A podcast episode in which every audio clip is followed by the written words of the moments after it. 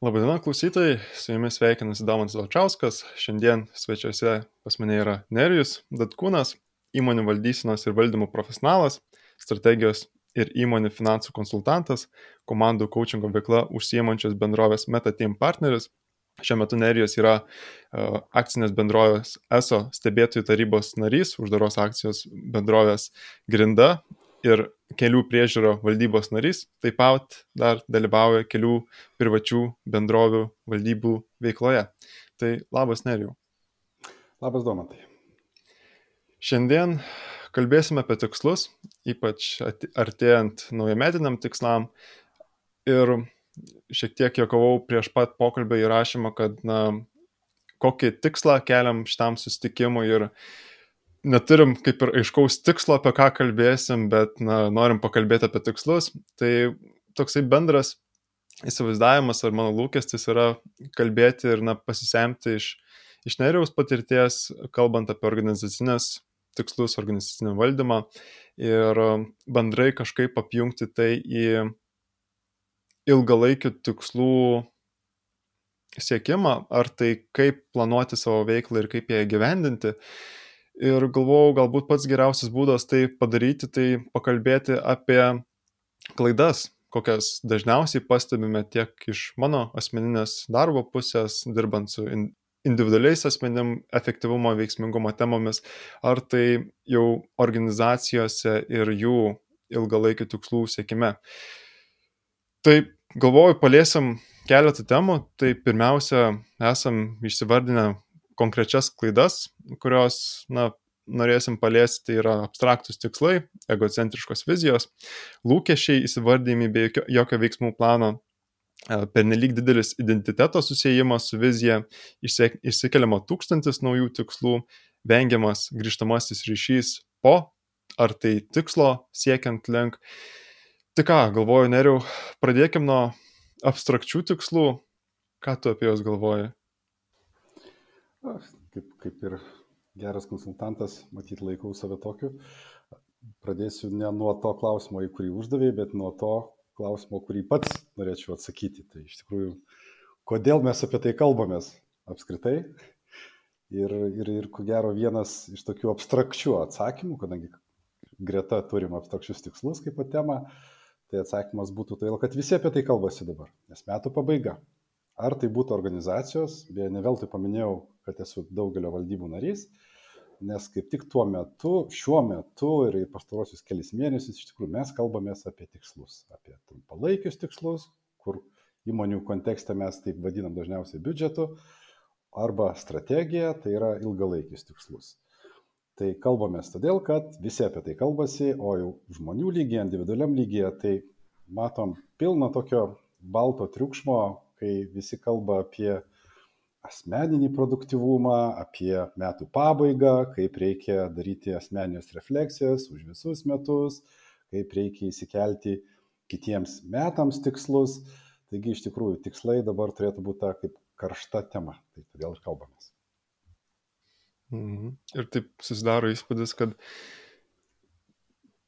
ta tokia rutina, kalbant apie ilgalaikius tikslus, yra vieną kartą pasidarai e, ir viskas, iki kitų metų gali savo ramiai sėdėti ir peržvelgti, ar pavyko gyventi tos tikslus.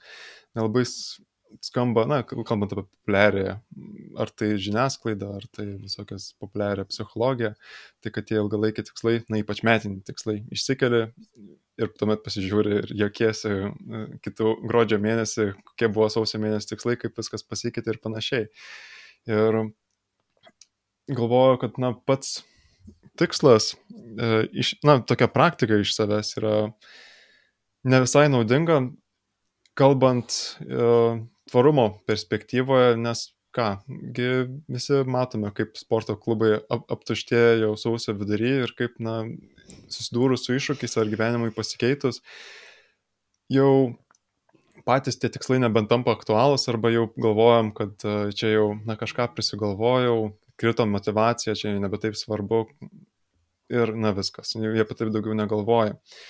Ir galvoju, kalbant apie abstrakčius tikslus, ar tai kokios yra klaidos, kuomet jau naujais metais išsikeliamo tikslų, tai galbūt net ir pradėsiu ne pagal mūsų struktūrą, bet kalbant apie daugelį norų ar tai daugelį lūkesčių ir neturim, sakykime, mm, iš asmeninės pusės, tai visus metus nieko daug negalvoju apie tai, ką noriu daryti iš savo pusės ir prisigalvoju tūkstantį dalykų, na, čia perdedu, bet, na, prisigalvojam 10 ar 20 dalykų, apie ką norim pakeisti. Tai ir sportą, darbą iš pusės, e, santykiai, laisvalaikis, na, ir gaunasi taip, kad jau sportuosiu, nuo sausio pirmos dienos skaitysiu daugiau knygų, tuomet ir anksčiau kelsiuosi, daugiau laiko praleisiu su šeima, viską daug, darysiu daugiau ir gaunasi tai, kad na, valandų skaičius nepadidėjo poroje, o tai, ką mes norim daugiau padaryti, gaunasi, gaunasi didesnis sąrašas ir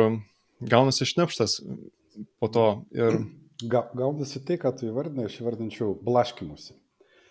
Nes e, greičiausia tokie smulkus bereikšmiai tikslai nukreipia dėmesį nuo to svarbesnių tikslų, beje, kalbant apskritai apie tikslus, jų neturi būti daug.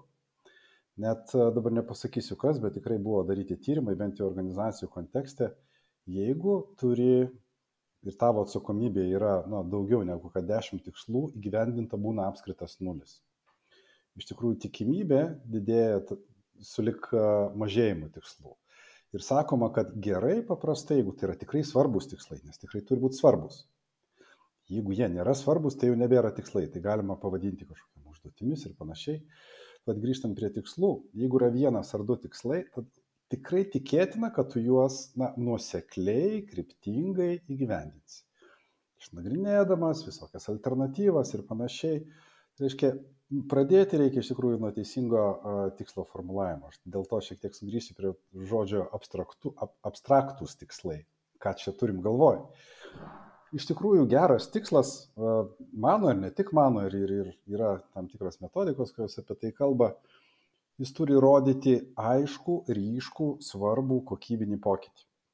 Tai jeigu tikslas rodo tik tai kažkokį, na, skaičių procentinį padidėjimą ar panašiai, nelabai aišku, kodėl to, to reikia, apskritai kokį tai pokytį sukelia, tai nėra tikslas. Tai yra va, tai, ką ir, ir vadinau daugiau lūkesčių, norų, bet tai nėra tikslas.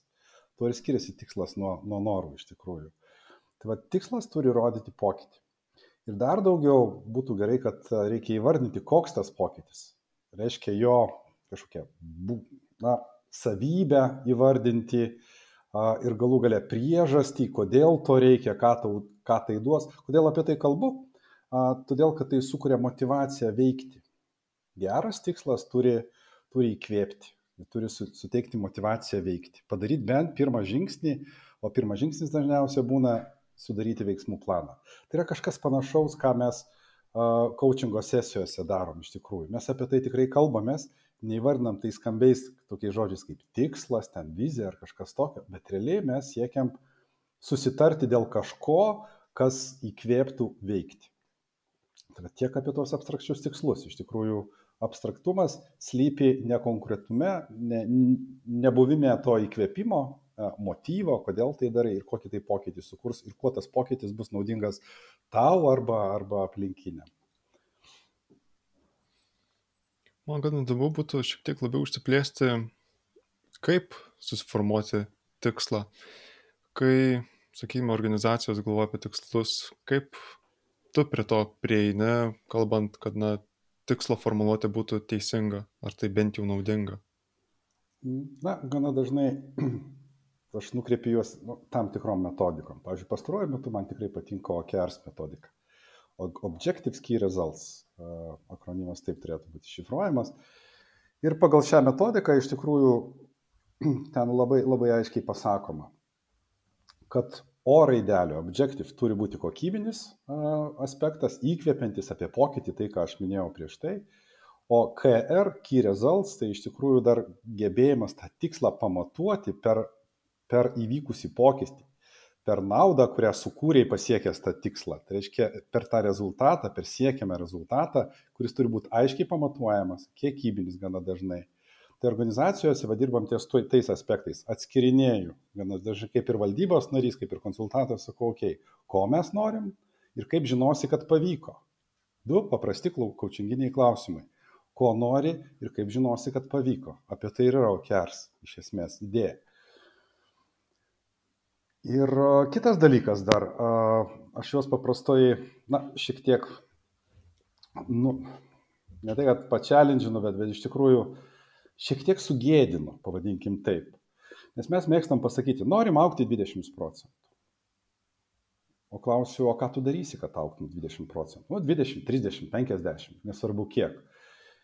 Ir nerandam atsakymo, ką darysi kitaip, ką darysi papildomai šalia to, ką darėjai Sakau, klausyk, jeigu tu nori gerokai daugiau, bet darysi tą patį, ką darai iki šiol, tik tai kažkaip, vat, neįvardini kažkaip kitaip, aiškiai, jeigu nėra kitaip, tai greičiausiai mes kalbam apie kažkokią diagnozę. Aiškiai, asmenybės sutrikimo diagnozę. A, tai pats tikslas savaime gaunasi toks įvardinimas aukti kažkiek, kažkokį skaičių, neįvardinant, Kas pasikeis, ką darysi kitaip, yra labiau diagnozė, bet ne tikslas. Nu, jie tada susigėsta ir mes pradedam ieškoti tuo keliu, kuriuo aš jiems paprastai pasiūlau. Ieškoti pokyčių. Dėl to esu priešininkas tų kiekybinių tikslų. Aišku, būna tokie kartais, bet jie, aš juos tada sakau, okei, okay, žiūrėkit, Kiekybiniai tikslai yra greičiausiai pasiekmė to, ką mes darysim va, tais, tais tikraisiais tikslais, aš jau dar sakau, strateginiais tikslais.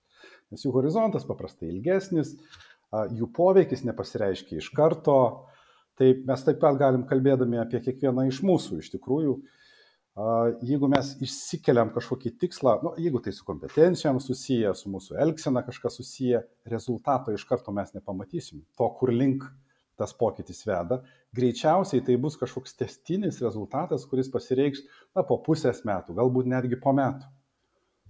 Tas pats ir su organizacijom. Geras tikslas yra tas, kur rezultatas būna tvarus ir pasireiškia, strateginis tikslas, šiek tiek vėliau, bet su didelė, didelė įtaka. Taip kalbant, atrodo viskas aišku, o man įdomu prieš patį pasiryžimo aspektą, kai jau gerai, turim tą vieną tikslą ar tik keletą tikslų, kurių sieksime. Ir aš įsivaizduoju, kad na, kiekvienas iš mūsų, ar tai kiekviena organizacija, prieš jau nusprendžiant, kokio tikslo sieks ateinančius metus, turi gal 10-20 tokių ir na, galvojasi, ką tai darys. Ir aš galvoju, iš kokios pusės ar kas yra įvertinama pagal kokius kriterijus iki tol, kol nusprendžiama į pasiryšti ar tai pasirinkti tos keletą tikslų, kad nebūtų 20 procentų augimas be jokių, uh, jokių vardinimų veiksmų. Iš tiesų tai, ką tu įvardini, aš vadinu tai ar prioritetais arba kryptimis. Reiškia, įvardinti aiškiai prioritetai ir kryptys, kurie veda link tos mūsų vizijos, kurią norim sukurti, tai jie padeda atrušiuoti tos tikslus. Tikslai neturi būti keliami bet kur ten, kur svarbu iš tikrųjų. O ten, kur svarbu, yra arba prioritetas, arba kryptis. Aš tai čia dedu tarp tų dviejų žodžių lygybės ženklą. Tai reiškia, mes keliam ne visur tos tikslus, mes atsirenkam. Mums reikia kriterijų, kaip atsirinkti. Čia dar kitas aspektas iš tikrųjų. Tas nėra labai lengva, tas žodis yra toks teoriškai paprastas, bet praktiškai sudėtingas. Reikėtų kiekvieną tikslą pačiupinėti. Jo, iš tikrųjų ir įsivertinti keliais kriterijais. Kodėl tai svarbu? Kodėl svarbu būtent tai daryti? Nes beje dar vienas aspektas, ne tik kodėl tai svarbu per kriterijus, bet ir koks, kokia tikslo formuluotė skatina veikti. Tai vėlgi, pagal tą pačią metodiką, kersus, kurią minėjau, iš tikrųjų svarbu pradėti nuo veiksmažodžio. Aiškiai, pirmas žodis turi būti veiksmažodis. Ir beje, jų pasirinkimas nėra labai platus kai kurie veiksmažodžiai yra tokie apsimestiniai. Ne vieną kartą esu matęs, kai ateini į, į valdybą ar matai tokių pseudo veiksmų, aš kaip vadinu. Stebėti, siekti, užtikrinti, netgi irgi yra pakankamai toks na, pseudo veiksmas, nes neaišku, kaip tu tai padarysi. Uh, nagrinėti ten, bet va tokių visokių žodžių, kurie iš tikrųjų parodo galbūt pasirengimą, susipažinti su situacija arba, arba ten va, va, va kažkaip, prasme, tai nelėmė pokyčio šitie žodžiai. Galbūt tai nurodo pirmą žingsnį, nes nelabai žinai, ką rasi, jeigu ten pasitikrinti, siekti. Siekti apskritai yra apie nieką. šiaip mes siekiam kiekvieną dieną, šiaip jau kažko teoriškai, o praktiškai tai matyt pasiduodam inercijai. Čia ta tokia priešingybė kryptingo veikimo yra inercija, kai tu veiki nesusimastydamas. Tokios inercijos organizacijos yra labai daug. Tokios inercijos kiekvieno iš mūsų gyvenime yra labai daug, esu to tikras. Ir netgi galiu parodyti ir žinau vardų, žinau, vienas iš tokių. Matyti irgi. Taip kad su inercija visi mes susidurėm ir tai, ir tai, tai Tai nėra nenormalu, tai yra normalu susidurti su inercija. Normalu susidurti su pasipriešinimu, iš tikrųjų kažką daryti kitaip. Tai va, tokioje aplinkoje mes veikiam, kaip asmenys ir kaip organizacijos. Tai pirmas dalykas, man iškart ir tai pasijokti šiek tiek norisi, kad, na, atrodo, tie tikslai, bent jau formuluotės, tai skaitant vizijas įmonių svetainėse, tai atrodo skirtos gražiai pristatyti, ką mes darome. Ir, ir daug išmanių žodžių pririnkta, parašyta, bet esmės pilnai nepagauni, ar tai vizijos perskaitęs nesusidarai aiškaus vaizdinio, nors turėtų vizija būti nuo žodžio vision e, aiškus vaizdinys, kuris, na, pamatai, ką nori pasiekti. Ir patys tie tikslai gaunasi taip, kad nėra konkrečių veiksmų, nėra aiškaus nurodyto ar tai proceso, ar tai įvykio, ar tai rezultato, kurį pasieksim. Ir taip pat nėra ar tai kriterija, ar tai, ar tai gairias nurodytos, kaip, kaip tų tikslų sieksim. Ir... Na, tinka viskas, ką įvardinai ir iš tikrųjų yra dar daugiau. Ir, ir, ir ko gero tai yra ta veikla, kurią aš ir užsiemu iš tikrųjų. Nes tai apima tiek valdyseną, tiek, tiek strategiją, tiek valdymą apskritai. Uh, atskirimą svarbių dalykų nuo kasdienių dalykų iš tikrųjų. Strategija yra apie svarbius dalykus kylančius iš, iš vizijos per prioritetus, įvardintus tikslais ir, ir siekimais rezultatais. Kiekvienam sėkmė rezultatui atitinkamai reikia paruošti kažkokį veiksmą, ką būtent darysi. Idealiu atveju tai turi būti stambus veiksmas įgyvendinamas ne per savaitę, ne per dvi, jeigu tai organizacijos kontekstas. Jeigu tai trijų, penkių metų tikslas, gali būti, kad reikia daryti kažką tokio, ką užtruks padaryti metus, o gal netgi ir daugiau. Konkretus gairių planas reikalingas ir taip toliau. Iš tikrųjų, valdysenos valdymo aspektas dar labai svarbus - atskirti kasdienės užduotis nuo projektų valdymo, tada vėlgi nesuplakti viską į vieną krūvą. Tai kaip sakiau, viskas, ką įvardinu ir tai, ką aš įvardinu ir dar daugiau, iš tikrųjų. Ir dar daugiau. Asmeniniam lygmenyje, matyt, nėra taip sudėtinga, bet bent jau atskirti kasdienius darbus nuo, nuo to pasiryžimo apmastyti savo ateitį, savo augimo kryptis, savo apskritai stiprybės, kompetencijas, kažkokias būdingas savybės, kurios tau padeda ar trukdo, šitie klausimai yra kiekvieno mūsų darbo atvarkė, bet kasdieną apie tai negalvosi. Tai tikrai daroma, nu, geriausia atveju keletą kartų per metus. O šiaip, beje, čia pareklamuosiu kaučius, iš tikrųjų, aš pats tą darau reguliariai, bet taip sutapo, kad darau kartą du per metus ir su kolegoms kaučiais. Tai yra puikia tema būti atviru su savimi ir, ir turint tą tokį mąstymo partnerį atlikti šitą uždavinį. Jeigu nutarė, nutarėt daryti vienas, nu, tai tada pasimkite popieriaus lapą. Įjunkit daugiau savo pojūčių, jutiklių, pavadinkim taip, ir tada jums bus, bus šiek tiek paprasčiau padaryti. Ne tik mąstyti apie tai, reikia rašyti gana dažnai. Ir netgi, nežinau, schemas dėlioti, aš mėgstu schemas dėlioti iš tikrųjų. Tokie būtų patarimai, kaip va, tą va, tikslų iškelimo a, procesą padaryti na, labiau paveikiu, pavadinkim taip. Man šiek tiek noris pakalbėti apie tai, kai, jeigu, sakykim, pirmą kartą tokį jau rimtą planavimą atliktum, nežinau, ar tai organizacijos ar tai ne organizacijos kontekstu, na paimkim pats asmo, kuris na pirmą kartą prisėda prie ilgalaikių tikslų, ne tai, kad na eis į sporto salę jau daugiau, bet jau išsigrinant na penkis ar tai dešimt metų, tai galvoju, kai aš tai dariaus ir na galvojau apie na ilgalaikę perspektyvą, ir bandžiau susidėlioti patį struktūringą planą, tai man atrodo, čia reiktų skirti mėnesį, du pilno tatų darbo, kad susidėliotum tokį planą, nes tikrai užima daug laiko vien pats planavimas, susidėliojimas veiksmų, įsivertinimas, kaip ką kada. Lengviausia galbūt ir kalbėti iš na, fizinės pusės, tai jeigu pradedi daugiau sportuoti, reikia ir daugiau valgyti ir na, pasižiūrėti, kad na, ir taip pat ir pratimus tampimo darytum ir apši, apšilimus ir tuomet jau gaunasi, kai pradedi daugiau sportuoti ir daugiau pavargsti, kaip tu atsistatysi, kada tai atsistatysi, aprangą prispirkti, na žodžiu, ir daugiausiai įvairiausių pratimų, jeigu prieš tai nesisportavęs, tai na, jeigu bėgioji, tai ir salės pratimus suderinti. Tai daug tokių kaip ir aspektų gaunasi, bet kad nebūtų toks planavimas kiekviena, kiekvienais metais intensyvus ir galvojimas kiekvieno struktūrinių dalykų susidėliojimas, tai aš galvoju padeda labai pati vizija, ar tai galbūt ilgalaikė, na net ir gyvenimo visos krypties išsikelimas, ko tu nori siekti, ar tai ilgalaikiai tikslai, kurie na bent jau 10-15 metų į priekį, ką tu tikrai nori padaryti ir tau na, šis tikslas yra svarbiausias ir na, stengsis įdėti visą savo energijos resursus, kad tai pasiektum.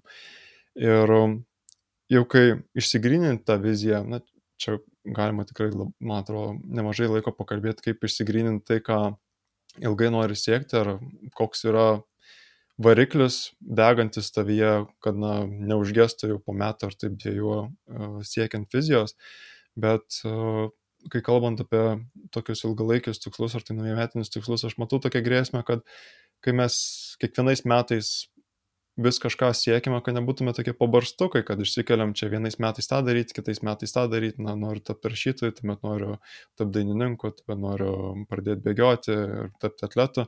Tai gaunasi tai, kad na, visą tą įdarbį, kurį įdedi tuos metus siekiant, jeigu to nepratesi kitais metais, ar tai pamiršti, ar tai galvoju, kad tai yra sunku ir pamiršti, kokia tai yra tau svarba tai toks kiekvienų metų ar tai keletą kartų per metus dėliojimasis, na, iš, iš, išalina ir pameti pats savo kryptį, nors turi ilgalaikį tikslą išsikėlęs, bet tas ilgalaikis tikslas neturi tokio kaip paveikslo, kuris kažkur veda. Kaip tu prieitum prie situacijos, ar tai prie žmogaus, kuris nori išsikelti ilgalaikius tikslus, kurie na, ne, netruktų metus, du, bet kad būtų kažkas, kuris ir daro pokytį kitiems, kuris ir motivuoja ir, ir yra prasmingas galiu galiausiai. Na, jeigu šitą podcastą žiūrėtų jaunas žmogus, tai aš tikrai nesu naivus, kad jis darytų tai kažkaip labai sistemingai. Va tai, ką, ką mes čia dabar kalbam, iš tikrųjų pradėti nuo kažkokios analizės reikėtų, įsiaiškinti, kur tavo tos stiprybės, nu, arba bent jau kas tau patinka asmeniniam lygmenyje, nes tikrai idealu, kad tai, kas tau patinka, sutampa su tavo stiprybėm ir galbūt reikia kažkokių nedidelių pakeitimų, kad, tu, kad tai nuvestų kažkur į kažkokią karjerą, gal net ne karjerą, profesinį pasirinkimą, kuris uh, iš tikrųjų įkvepia ir, ir, ir, ir, ir kažkas panašaus taip struktūruotai, sistemingai vargu ar, ar, ar vyksta. Tikrai, žinau, yra netgi ir, ir, ir tarp mūsų kolegų kočių yra tokių, kurie būtent karjeros rytyje, profesinio pasirinkimo srityje specializuojasi. Tai jaunam žmogui iš tikrųjų patarčiau paieškoti, neskubėti, čiupti kažką tokio, kas yra tuo metu populiaru. Nu, kaip pavyzdys. Na, dabar labai populiaru įvairūs vadybos mokslai, bet gerai, sunku įstot, santykinai lengva mokytis, bet kita vertus, ką ten baigęs, aš beje pats baigęs vadybos mokslus, tai žinau apie ką kalbu, kai baigi, ar tu turi kažkokį amatą. Apskritai kalbant apie visus socialinius mokslus, ar turi amatą? Realiai neturi. Tu turi tokio plataus profilio žvilgsnį, nes mokoma praktiškai visko, bet tas pasirinkimas tikrasis įvyksta gerokai vėliau, negu kad tu įstoji ten į universitetą ar į kolegiją atitinkamai. Tai va, reikia ieškoti visų pirma. Ieškojimo būdai - pasitarti, įsiaiškinti, kas tu toks, kaip tu veiki. Galbūt tavo kažkurios savybės realiai trukdo, nepadeda, o trukdo tau būti geru ekspertu toj srity, kur tu pasirinkai. Nu, kaip pavyzdys, tas pats, na, gydytojai, ypač ten, jeigu jau pažiūrėt kraštutinį atvejį, ten kokie nors chirurgai, nu, tikrai turi būti labai labai susikaupę, smulkmenos turi būti svarbu ir panašiai. O tuo tarpu, jeigu tau nepavyksta, va, nerandi įrodymų, kad tu tai gali iš esmės, tai galbūt tai ne tavo pasirinkimas turėtų būti. Galbūt reikia nukreipti save vos ne į visai kitas sritis, kaip nežinau, menas, kūryba ar kažkas tai tokio. Tai nenustoti ieškoti, įsiaiškinti visų pirma, pažinti save. Tai nuo to reikėtų pradėti. Tas pats beje su įmonėm visiškai. Mes darom taip vadinamas strateginės sesijas. Mes bandom suprasti, pradedant nuo to, ko reikia klientui iš tos įmonės, nu, produktų, ką jie ten gamina ar teikia paslaugas, tai pradedam nuo kliento poreikio. Vėliau ieškom iš tikrųjų tų tikrųjų stiprybių, kodėl tą organizaciją renkasi klientas. Ir taip toliau, lendam, lendam gilin ir bandom išrinkti tikrai svarbius dalykus, būtent pagal tam tikrus kriterijus, juos įvertindami, vadovų komanda paprastai tai atlieka. Tai va tas va, laikas praleistas ieškant atsakymų, kas aš toks, kuo aš esu kitoks, ypatingas, geresnis, o gal net ir silpnesnis kai kuriais atvejais, tai jis nėra veltui. Bet žmogaus natūra yra tokia, ieškoti, kai dar nelabai žinai, ką rasi, yra nesmagu. Tiesiog nesmagu. Nepatogu pavadinkim taip. Ten kartais išlys tokių tiesų, kurias tu bandysi paneigti. Tai ženkliai geriau tiesiog imti ir daryti. Dėl to mes, na, netgi tie, tie patys sportai su, su tuo susiję as, asmeniniam gyvenime. Iškiai, einam iš karto sportuoti, kai tu nežinai nei ką, nei kaip, nei, nei ten kažkokį pasidarai tyrimą nedidelį, nei ten trenerio, nei, nei, nei plano kažkokio. Nieko, tiesiog einam ir pradedam pumpuoti tą geležį, kur gana dažnai baigėsi kas nors tokio, tai, ui, ir, ir turiu skausmą, ja, ir su kuriuo turėsiu gyventi visą gyvenimą. Tai va, tai patarimas pradžiai būtų iš tikrųjų įsiaiškinti. Kas tu kaip žmogus, organizacija atitinkamai, kas tu kaip įmonė, ką tu darai tokio, kas kitiems patinka ir kas kitiems galbūt ne visai tinka. Ar turi pavyzdžių konkrečių, ar tai įmonių, ar tai vizijų, kurios, kurios sėkmė padaryti, ar yra naudingos ir žmonės vadovaujasi jomis? Na, klasikiniai pavyzdžiai, žinokit, yra, pavyzdžiui, tas pats Google'as. Ja. Jie savo viziją suformulavo taip, be gera vizija yra ilgalaikė, testinė, iš esmės amžinybėje. Aišku, mes žmonės turim na, ribotą gyvavimo ciklą, pavadinkim taip, tuo, tal, tuo tarpu organizacijos laikoma, kad na, gyvena amžinybėje. Dažnai jos pabaigos nenusimato kaip taisyklė. Tai jie pasakė, mes iš tikrųjų norim padaryti taip, kad vartotojas, mūsų jų klientas, galutinis vartotojas, vienu mygtuko paspaudimu pasiektų tai, kas jam reikia, ko jis ieško. Iš to kyla pažadas iš tikrųjų pažinti kiekvieną iš mūsų asmeniškai. Dėl to ten jau galim lysti visas tas technologijas, dirbtinius intelektus, tam tikrus gudrius algoritmus, kaip jie atrenka, kas kiekvienam iš mūsų svarbu. Bet ambicija, beje, vizijoje turi būti ambicija to negalima pasakyti, kad žiūrėk, aš jau pasiekiau, tai dabar ir užakinsiu tą vat, pasiekimą dabartiniai vizijoje. Čia įprasta klaida beje. Būsiu lyderis Baltijos šalyse, kažkur tai. Jau esu lyderis. Tai kur yra ambicija vizijos? Išlaikyti. Ar išlaikymas yra pokytis? Nu, ko gero ne. Nu, tikrai ne. Tai vad gera vizija slepia po savimi ambiciją, tai turi būti trumpa, aiškiai suformuoluota, yra tam tikra struktūra, kaip tą daryti iš tikrųjų. Ir, ir iš esmės žinutės turi būti ne tik į vidų, įmonių atveju darbuotojui, į, į darbuotojus daž, gana dažnai, bet ir į išorę. Klientas irgi turi žinoti, kur link ta kompanija juda. Čia vienas teiginys. E, yra dar kitas teiginys, yra misijos arba paskirties teiginys. Iš tikrųjų, čia yra šiek tiek apie kitką. Kai kas tai bando suplakti vieną vietą, bet realiai ten mes įdedam prasme mūsų veiklos tai, ką mes darom. Tai kalbant apie kiekvieną iš mūsų asmeniškai, tas prasmės ingredientas, kur mes į ten vieną ar kitą teiginį įdedam, jis iš tikrųjų yra motivuojantis. Jis sukelia vidinę motivaciją, ne išorinę, ne, ne, ne didelį pinigą, kurį uždirbsi ten veikdamas kažką, bet tą tikrąją prasme, kodėl tu tai darai. Na, nebejoju, kad kokie nors gydytojai ten surastų gelbsčių žmonių gyvybės, ja, kaip misijos pavyzdys galėtų būti. Tai va. Tai įdomus uždavinys - ieškoti aukšto lygio strateginių teiginių. Iš tikrųjų labai įdomus, kūrybinis, netgi lingvistinis, sakyčiau, uždavinys. Ir gera vizija ar misija yra pakrauta ta prasme, kad kiekvienas žodis yra reikšmingas ir jį galima atskirai paaiškinti. Kiekvieną žodį, tiksliau netgi reikia atskirai paaiškinti, nes tai būtų tada vieninga komunikacija. Jeigu tęsiant toliau, jeigu leidžiantis ten iš to nuo aukšto kalno, iš to dangaus, tai ten tada yra keliai, kaip tu link to nueisi. Tai prioritetai arba kryptys, tai apie tai. Tada kiekvienoje kryptyje ieškai irgi kažkokio pokyčio, ką ten turi nuveikti. Tada gimsta gražus tikslus tikslai, gerai suformuoluoti tikslai, kurie pabrėžia tą vat, pokytį, kuris turi būti sukurtas.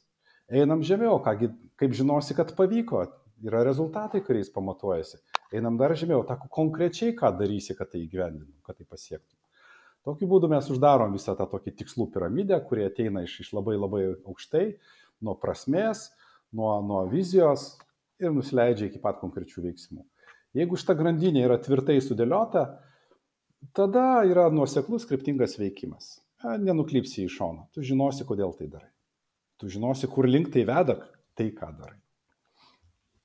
O kada žinot, kuomet keist veiksmų planą? Na, čia labai lengvai, man atrodo, teoriją gali išbandyti ir karas, ir COVID, ir matom, kad na, jau sudarytas planas neveikia.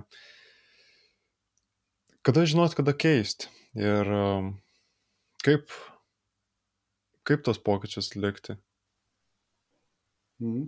Čia geras iš tikrųjų aspektas, nes vienas strategijos teoretikas yra pasakęs, kad strategija yra kaip akidangčiai arklio, žirgo. Iš esmės, tu gali nematyti aplinkos, eidamas labai kryptingai tiesiai. Ir iš tikrųjų reikia turėti instrumentus, kada tai pastebėti. Tas, va, va, tai dažniausiai tai pasireiškia per tam tikrą cikliškumą. Tai yra įprotis apsidaryti aplinkui. Iš tikrųjų, o kasgi vyksta aplinkui? E, žmogaus lygiai yra įprotis reflektuoti, žvilgtelti ten kokį mėnesį ar ketvirtį atgal ir pažiūrėti, o kasgi pasikeitė. Ar tai vis dar svarbu, iš tikrųjų. Tai vat refleksija, grįžtamasis ryšys yra tai, kas, kas nu, įgalina mus e, pastebėti. Ir tada per, per akistatą su savimi, jeigu tai yra asmeninė, e, asmeninis ligmuo, per akistatą su, na, nežinau, vadovų komanda, jeigu įmonės lygyje e, kalbasi, ten reikia po to dar išdrysti, išdrysti pripažinti pokyčius, neapkaltinti aplinkos, kad lyg tai dariau viską, bet gavosi kaip visada, nes 1, 2, 3 ten na, aplinka kalta, ten kažkas tai tokio. Tai pradžiai įprotis reflektuoti, antra, išdrysti pripažįsti faktus kaip tiesą. Nu, ir tada jau noras keistis na, bus gerokai arčiau, negu kad šiaip pats taiga sumaniau ir turiu keistis. Be jokios refleksijos, be, be jokios kažkokios analizės, mini analizės. Jeigu žiūrint iš organizacinės pusės, kalbant apie tam tikrų rezultatų siekimą ir veiksmai, kurie užtikrina rezultatų pasiekimą, tai ganėtinai atrodo paprasta ir aišku, kada reiktų atlikti tam tikrus pokyčius, kuomet rezultatų jau nebepasiekim arba nesimato perspektyvų, kad tai pasieks. Ja, netenkina rezultatas. Ja. O galvojant iš asmeninės pusės, kalbant apie motivaciją, prasme, tai jau šiek tiek netaip aišku, gali susidėlioti savo veiksmų planą ir jau vidury jo pamatyti, kad tai tavęs netenkina, taip įsivaizdavai, ar galvoji, kad būsi žymiai laimingesnis ir labiau tenkins pati veikla. Ir tuomet kyla klausimas, kada žinot, kada nuspręsti keisti tikslą ar jį mesti. Ir galvoju, čia vietoj to tokio, gal kas organizacijom veikia ir yra naudinga, tai yra aiškus rezultatų na, key performance metrikų įsivardinimas, bet asmeniam galvoju, tai yra svarbiau pačią tapatybę, kurią savo nori kurti, vietoj to, kad būtum, nežinau, žmogus, kuris, na, uždirba ten 10 tūkstančių pelno per savaitę, per metus, ar tai, na, per metus galbūt per, per mažai, bet uh, uždirba, uždirba tam tikrą pelną vietoj to, kad esi verslininkas, ar tai tam tikrus pokyčius bendruomeniai įgyvendintis asmo. Na, jeigu kalbant apie sporto tikslus, tai vietoj to, kad eičiau į salę tris kartus, bet tapti ar tai praktikuoti sveiką gyvenseną. Tai galvojant apie tokius tikslus, kai kalbant iš asmeninės pusės, tai tas veiksmų planas sudarytas jau nuo pat viršaus iki pat apačios, kai jau žinai, kokie kryptimi judėsi, kokie žingsniai, kaip kada susiplanuotų tas, tas veiklos. Tai ga, ga, ga, ganėtinai yra aišku, bet uh, pati motivacija, kai krenta, tai man atrodo, čia kaip mes kaip coachingo specialistai galim duoti mūsų geriausius patarimus, tai yra klausimus, kuriuos verta svarstyti ir įsi, žmogui pa, pažiūrėti. Tai pirmas, aš manau, kad prisiminti ar tai reflektuoti, su kokiais tikslais ar su kokiais lūkesčiais buvo pradėtas tikslo siekimas ir palyginti tai su dabar, ar tai iš tikrųjų atitinka matytus lūkesčius, ar situacija pasikeitė, ar tai daugiau sužinoja apie visą kontekstą, kurį brendi ir pamatyti daugiau alternatyvų, kaip tai gali siekti. Ir antra, ką daryti toliau. Ar tai bandyti kažkaip keisti veiklą ir žiūrėti, kaip tai suderinti su visais iškeltais aukštesniais tikslais, ar tai priimti sprendimą ir atsisakyti tikslo siekimo. Ir man įdomu, ką tu galvoji, kada, kada verta ar kaip nuspręsti atsisakyti tikslo, kuomet jau tikslas tampa nebeaktualus. Žinai, keletą minčių vat, iš to, ką pasakoji, galiu, galiu skirti. Vienas, taip, aš įvartinai, uždirbti ten 10 tūkstančių, kaip pavyzdys. Ja? Ir tai yra blogai suformuoluotas tikslas, iš tikrųjų. Ir beje, e, pinigai dažniausiai yra pasiekmė kažko, bet, bet, ne, bet ne tikslas. Aš beje, įmonių kontekste tai labai lengva. Aš rušiuoju, sakau, okei, okay, atskirkim bendruosius veiklos tikslus, kurie paprastai yra pinigais išreiškiami, ar ten pelno, ar ten pardavimo, ar kažkas tai tokio, nuo tų pokyčio tikslų. Tai va, ta va pasiekmė piniginė, kaip taisyklė, yra išorinė paskata, ji nėra vidinė. Geri tikslai, jie turi uždegti tą vidinę ugnelę. Ir, ir tikrai čia ne, ne, nesu kažkoks tai uh, žinovas šitoje srityje, bet nu, pasikelkite tą patį ten Danielius Pink uh, uh, Drive knyga iš tikrųjų rašo apie vidinės motivacijas, iš tikrųjų vidinius, vidinius veiksnius, veiksnius, kurie skatina žmogų veikti. Tai ten yra ir prasmės jausmas, ten yra ir meistriškumo augimas kaip po tokį. Ten yra ir savarankiškumo poreikis. At bent jau, bent jau šitie trys. Tikrai ten gali, jeigu neklystu, yra dar vienas ar kitas. Randat, apie ką aš kalbu? Pinigai yra pasiekmė bet ne tikslas. Bet va tie mygtukai, kuriuos maigysi, va, kuriuos įvardinau prieš tai, jie sukels tą gerą ugnį, kuri, jeigu viskas teisingai sudėliota, nuves iki tos pasiekmės pagidaujamos. Kaip taisyklė. Taip turėtų būti. Aš keičiu save ir keičiasi, ne, nežinau, ir, ir, ir aplink mane, žmonės, kurie supasi, supa mane ir, ir galų galę tie tos pagidaujamos net piniginės pasiekmes, jeigu jos yra realios ir jeigu tas tas, tas kelias link tų pinigų yra pakankamai teisingai sudėliotas per kompetencijas, per kažkokius karjeros pokyčius, per teisingus pasirinkimus, visą tai tada pasiekiam. Tai paminėjau tą vidinius veiksnius. Reiškia, ieškokim jų. Tai vienas dalykas. Nes tik, kalbėdami tik tai apie šiurinės paskatas, mes, mes neuždegsim to tokio tikrojo noro veikti iš tikrųjų. Oi, žinok, dabar pamiršau, ką dar klausė, nes, nes, nes tavo klausimas buvo iš daug, daugelįpis, sakyčiau taip. Jo, kaip į tą pačią pusę, bet iš daug, daugelįpis formuluotas, kada nuspręsti mesti tikslą? Kada nuspręsti? Na, greičiausiai, e, jeigu tikslas yra pakankamai ilgalaikis, mes pastebėsim, ar, ar tai mus tenkina, va tie, tie trys vidiniai dalykai, kuriuos bent jau vardinau. Kiek tame prasmės ką, ką aš dabar darau, nes mes kartais pasijaučiam kaip voverės rate, iš tikrųjų, ir supranti, kad realiai, na, plytas kilnoja, bet bažnyčia tai neauga. A, meistriškumas, a, ar aš gebu daryti kažką daugiau, negu kad prieš tai dariau, ar gebu daryti kitokius dalykus, a, nei, nei anksčiau gebėdavau. Tai reiškia, reikia iš tikrųjų stebėti, ar, ar mes augame kaip ekspertai, kaip profesionalai, galų gale netgi kaip žmonės. Vat meistriškumas, savarankiškumas reiškia, ar aš atsispiriu, ar aš darau tik tai vykdau nurodymus, ar jau žiūrėk gaunu daugiau atsakomybių. Jeigu gaunu daugiau atsakomybių, atsakomybių tai jau perinu prie tos profesinės dalies, greičiausiai man už tai ir moka daugiau. Realiai.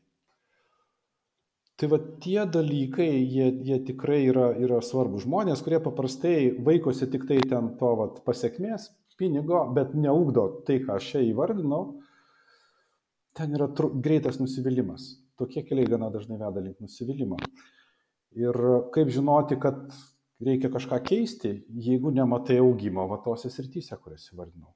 Darbas nėra daugiau prasmingas, jeigu taip apie profesinę karjerą kalbam, neaugu, darau vis tą patį ir tą patį. Dėl to tikrai žinau žmonių, netgi dirbančių IT srityje, kur sako, nu, blin, aš darau labai labai siaurą sritį, netobulėjau, nebenoriu. Net jeigu ir moka man iš tikrųjų labai labai daug už tai. Tikrai turėjau tokių klientų, kurie apie tai kalbėjo atvirai ir drąsiai. Tai va tas vidinis nepasitenkinimas yra, matyt, pirmas požymis, kad reikia kažką keisti. Nespontaniškai keisti, ne, neimti ten kokias nors ten ilgalaikės atostogas, pabėgti nuo visko. Ne, tiesiog matyti tas įprotis dažniau reflektuoti apie savo tas būsenas, jausenas, padeda atpažinti, kad, žiūrėk, jau laikas kažką, apie kažką pagalvoti. Jeigu tai kartojasi per nelik dažnai, tai tada vėl tai gali būti blaškimosi efektas. Nes tikrai jauni žmonės linkia staigius pokyčius daryti pastaruoju metu dažniau nei, nei ten. Aš esu Aš save priskiriu prie vyresnės kartos žmonių. Tai greičiau rodo jų neapsisprendimą ir nežinojimą, ko jie ieško ir kodėl jiems tai yra svarbu, negu kad ten kažkokias paieškas. Tai daugiau blaškimasis nei kad paieškas. Nežinau, ar atsakiau į tavo klausimą, bet... Jo, ir aš galvoju. Matyti, stebėti save, savo, savo jauseną, savo savęs vertinimą kaip po tokį ir, ir, ir iš to daryti išvadas. Ir man iškart kilo tokios mintis, ar tai pagalvoju apie tos aspektus, kai jau besiekiant ilgo, ilgalaikio tikslo ir kyla tos negatyvios vidinės motivacijos, kad va čia nesąmonė, kam čia tai daryti, tai galvojant apie ilgalaikius dalykus kaip studijos, nu, tai ne viskas tau patiks studijuojant ir ne visi dalykai tiks. Tikrai ne viskas. Jo, ir na taip pat nebus ir taip tie momentai, kai darbas, sportas ir, ir, ir, ir studijos gražiai sukrenta į dieną ir na, turi viskam energijos pasidaryti. Tai, ir tai gali užtęsti ir būtent tokių, kur ilgai laiką, laiko skirti, tai tos motivacijos ir bus tokios, kad ai čia jau nematau prasmės, nihilizmas apeina, apeina ap, absurdas tiesiog ir nėra tokio noro ir noras viską mesti, pabėgti ir pasitraukti nuo visko. Ir aš čia galvoju, kad vietoj to, kad vien tik klausyti tai, ką širdis sako ir na, pasiduoti, kuomet jau patirimi tam tikros kančios ar tai sunkumai, tai prieš tam tikrus pokyčius atliekant, įsivardinti savo, kada,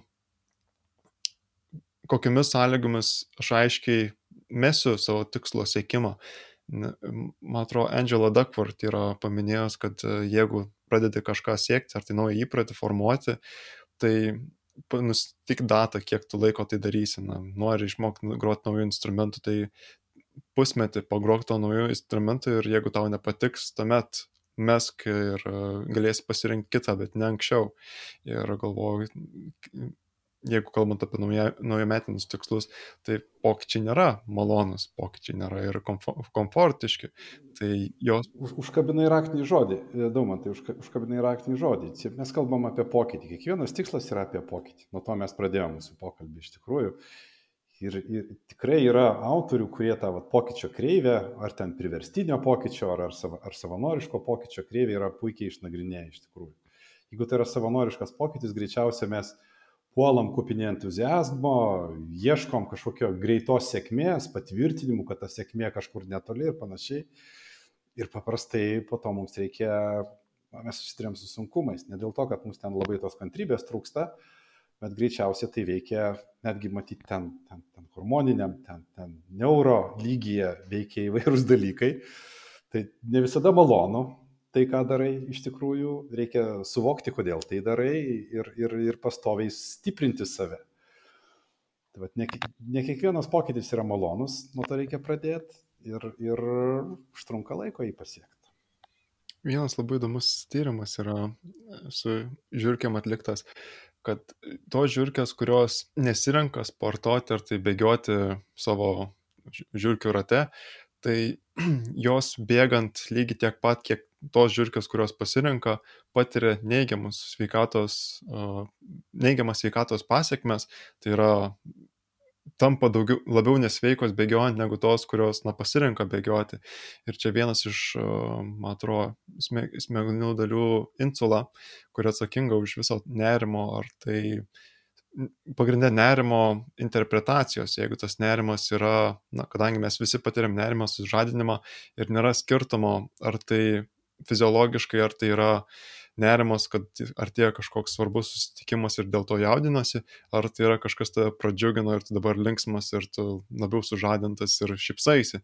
Tai fiziologiškai tai nėra jokio skirtumo, bet svarbu, kaip ir tu manėjai, kodėl ir įsivardinti, kodėl tai yra svarbu, nes jeigu nebus aiškiai kodėl tai darai, ar tai kognityvinis vertimas, kodėl tai darai ir ko tau yra svarbu. Tai čia tuo atveju fake it till you make it neveikia, nes uh, jeigu galvosi, kad, na, nežinau, pradedant savo pokyčių, kad tai yra viskas faina ir čia įtikinėsi save, kad čia viskas gerai, aš pradedu kurti verslą dėl to, kad, na, čia aš noriu padaryti pokytį, taip toliau, taip toliau, bet gaunasi, kad ar tai iš tokios socialinių paskatinimų, kitų įtakos, ar tai išorinių rezultatų, nu, noras užsidirbti ar tai gauti prestižą ir bandai save įtikinėti, kad tai esu aš, kad tai man patinka ir šiuo atveju, jeigu tai nėra pokytis suprantamas kaip svarbus ir kaip teikiantis prasme, tai jis turės neigiamų ir, man atrodo, fiziologinių pasiekmių ir niekaip jokiais būdais tai nebus tvarus pokytis. Čia tik laiko klausimas, kuomet jau suklupsi, kuomet iššūkiai pasidarys per sunkus ir jau nebematysi prasmės ir tai nebetęsi. Tai tikrai yra svarbus aspektas, pradedant pokyčius jau aiškiai įsisamoninti ir pagalvoti, kodėl tai yra svarbu, o ne tai, kad man čia visai būtų faina tai padaryti, bet visai nežinau, kodėl šaltas dušas yra gerai ir jau po dviejų, trijų kartų, na, meti. Mhm. Įmonių atžvilgiu aš klausiu paprastai, tai kokią problemą mes sprendžiam. Jeigu noras eiti prie kažkokių veiksmų, e, iš karto be, be kažkokios gilios analizės, tai bent jau paklausiu, tai kokią problemą mes sprendžiam. Ir netaip lengva būna uh, surasti atsakymą šitą klausimą. Nes kai turėsi atsakymą apie kokią problemą, tada jau pradėsi lysti giliau. O tai kas ją sukelia, kokios priežastys.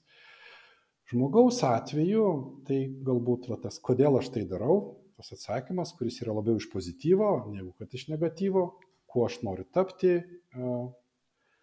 kodėl man tai svarbu, va, būtent vienos ar kitos savybės, jo, nes tada turi apsirašyti savo tą identitetą, kuo tu nori tapti per tam tikras savybės, kompetencijų rinkinį, matyti ta, ta, tam tikrus gebėjimus. Ir tai turi dėrėti, kartu viskas turi dėrėti. Tai va, tai tas atsakymas į kodėl aš tai darau, va, jis turi kilti per tikrai, na, per drąsų, per, per drąsą apmastyti iš tikrųjų tą viziją ir einant žemiau tada, kaip minėjau, per prioritetus, per kryptis, per per tam tikrus tikslus ir galiausiai per veiksmus. Mes paprastai imam veikti, nežinodami, ką tai duos. Ir kai tu nežinai, ką tai duos, greit nusiveliam, nes nebuvo aiški ta, ta va, lūkestis, iš tikrųjų net nebūna aiškiai įvardintas. Kai tu žinai, ko tu nori, kai tu esi pasiruošęs, apmastęs, ką tai duoda trumpoje ir, ir, ir, ir, ir galų gaikiai perspektyvoje, gerokai lengviau išlikti kantriam, susitelkusiam, ieškoti, bandyti dar kartą, jeigu nepavyko. Jeigu viso to nežinai, pabandėjai, nepavyko, numeti. Darai kažką kitą. Ir čia toks įdomus kontrastas gaunasi, kad kalbant apie tikslus, bandom išsivardinti, ką konkrečiai siekti, ką konkrečiai daryti. Ir jau prieinam prie tos stadijos, kad, blecha, mūsų pastangos visai bereikšmės, aš vienas nieko nepadarysiu. Ir kai kuriais atvejais, na, kalbant, kai yra poveikis, ar tai pokytis, ar tavo rezultatas, visai nuo tavo kontrolės priklausantis, na, kalbant, jeigu podcast'o kontekste, tai jeigu darant poveikį visuomenį, informuojant apie coachingą, laužant neigiamas nuostatas apie coachingą, supažindinimą, kad yra tokia organizacija kaip ICF ir čia nėra ar tai savo mokslai, ar tai mėgėjai coachingo specialistai, bet, na, profesionalai, kurie ir atitinka tas normas. Tai jeigu galvojant apie tokį tikslą, kad, na, čia jau pasieksim tūkstantį šimtą, ar tai keletą kitų žmonių, kurie, na, taptų samoningesnį ir atskirtų, kad yra ICF, kad yra coachingas. Tai viskas yra ok su to, bet kalbant apie metrikas, tai jos iš savęs nemotivuoja, bet pati vizija, kuri yra, galėtų būti keliama, na, aš, aš nekeliu, bet uh, jeigu kad Lietuvos visuomenė suprastų, kas yra coachingas, ar tai pilnai žinotų, ką reiškia coachingas, tai toksai tikslas kaip ir grinai yra rezultato orientuotas, bet tuomet e, nėra tokio proceso ar veiksmo, kurį tu darysi, kad tai pasiektum. Ir aš šitą matau kaip ir konfliktą, nežinau, kaip tu apie jį galvoji, kad na, tas rezultatas, vizija tai yra aiškus pokytis, poveikis pasauliui, bet procesas yra visai į rezultatą neorientuotas, nes tikslas ar tai tikslai, kurie keliami grinai į procesą, kad vykdytum tą veiklą, kad ne, nepaisant to, kad pradžia yra sunki ir tenais gal ne, negausi to, netitiks tavo veikla lūkesčių, bet na, kad ne, toliau tai judėtum. Kaip tu, kaip tu galvoji apie šį konfliktą?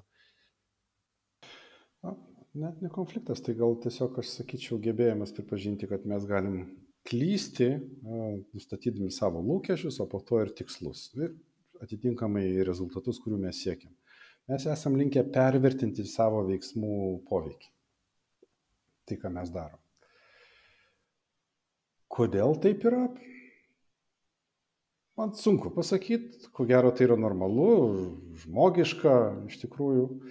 Aš nekalbu apie kažkokį susireikšminimą šiam kontekste, bet daugiau, kad mes tikrai nežinom, kaip mums tai pavyks. Galbūt ne viską darom teisingai, kad pasiektą rezultatą, kurio iš tikrųjų reikia, galbūt darom tik tai dalį veiksmų ir, ir ta dalis veiksmų neduoda to rezultato, galbūt mums reikia na, kitų įsitraukimo, gal reikia kitų kompetencijų, na šiuo atveju komunikacijos, rinkodaros kažkokių dalykų turėtumėm įdėti, kalbant apie podcastą, pasiekiamumą ir, ir ten, ten nuomonės apie coachingą kaip tokį keitimą visuomeniai. Bet tai nereiškia, kad mes neturim daryti tai, tai, tai, tai, tai, ką, tai ką darom. Apskritai net tai SEFas kaip organizacija, čia Lietuvos skyrius, kur mes abu esam iš tikrųjų ir, ir, ir valdyba atitinkamai, šiuo metu va, ta nauja valdyba išrinkta, jie tikrai apie tai turės pagalvoti, ką reikia daryti, kad pasiekti tuos, tuos, tuos tikslus, kurių mes norime. Tai žinia tokia, kad linkę esam pervertinti savo veiksmų poveikį, ko gero, ir, ir galim klysti, keldami tikslus. Tai yra normalu. Dėl to reikia turėti įprotį pasitikrinti tų tikslų pasiekiamumą. Na, pagal visą tą smart. Jo, tikslai turi būti ne tik svarbus, bet ir, ir ne tik išmatuojami, bet iš tikrųjų ir pasiekiami. Turi savo asmeninį įprotį susiformavęs, kuomet reflektuoji su tikslais?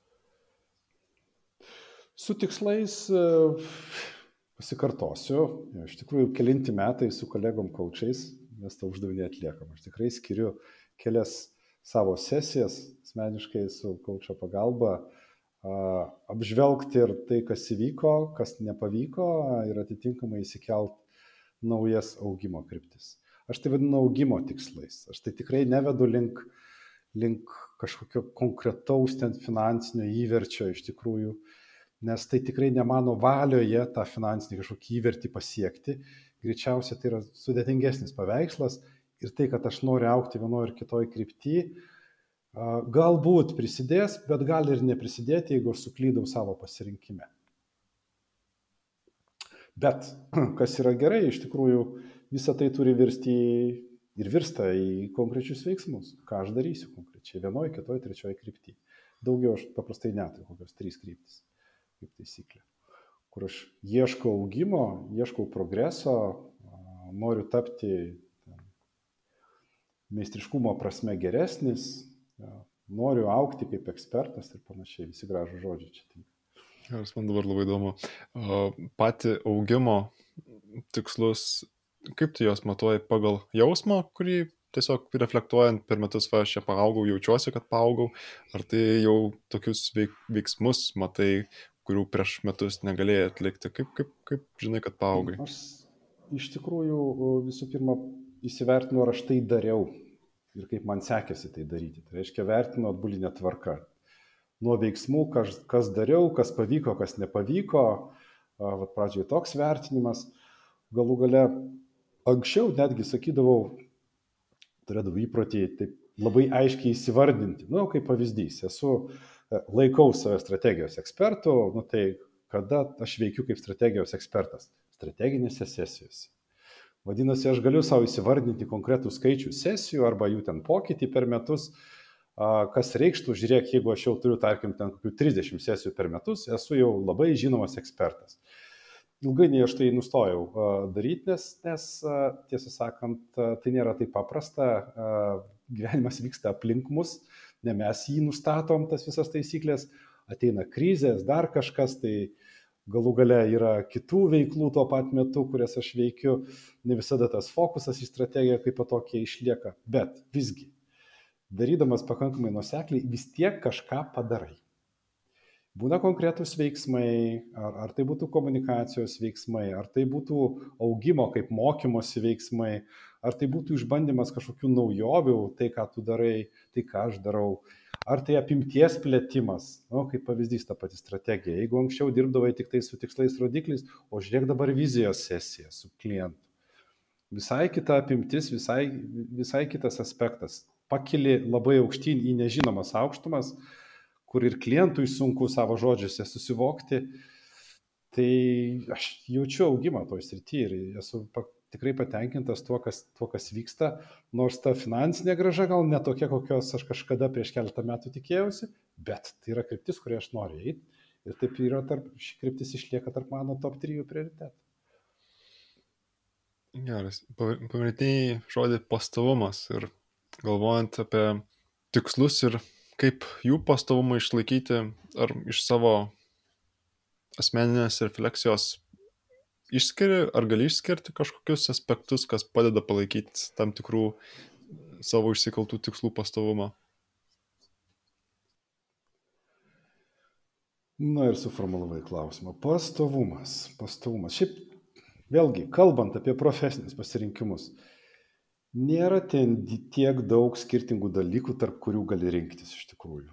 Vienais metais į vieną kryptį labiau pasiduodi, o, asmeniškai apie save kalbant, valdysenos, pavyzdžiui, kryptis galėtų būti. Ir yra pastaruoju metu mano bene svarbiausias prioritetas. Kitais metais e, gyvenimas e, atsitinka, kaip mes mėgstam sakyti, staiga žiūri, kad tos krypties nebeliko, okei, okay, tada yra kita kryptis, kurioje aš irgi turiu veiklos, tai įmonių finansai, kaip pavyzdys, įmonių vertinimas, va, tokie dalykai, konsultacijos tose srityse, nueini ten daugiau. Tai mes paprastai esam tarp 3-4 pasirinkimų, kai kuriais man patinka įskaidyti tą veiklą taip, kad aš turėčiau daugiau nei vieną pasirinkimą. Vien, vien tam, kad jaustis ir saugiam, galų gale aš matau, kad tos kryptis jos vieną kitą papildo kaip taisyklė. Toks mano pasirinkimas. Tai nėra taip, kad aš būčiau pastovus vienoje kryptyje, visus ten, kiek aš, aštuoni metai esu kaip freelanceris. Ne, bet tos keturios kryptys bendrai paėmos jos yra ir jos nekinta. Tiesiog kartais labiau vienoj, kitais kartais, kitais metais labiau kitoj krypti. Gali sakyti, kad nėra pastovumo, bet iš tikrųjų aš tai jaučiu tą pastovumą. Aš pats pradėjau dabar labiau tokį nepastovumo, ne pastovumo, nepastovumu uh, palaikyti, kad tam tikrus įpročius uh, neturėti kiekvieną dieną, nes pastebėjau, kad na, tiesiog neįmanoma. Turiu prisirašęs į 20 įpročių sąrašų, kur kiekvieną dieną pasi, pasičekinu vakaro pabaigoje, ar tai tam tikrą labai mažą veiklą, kaip išeiti į lauką pasivaikščioti, ar tai išeiti sportuoti, pratampyti raumenų grupę ir panašiai.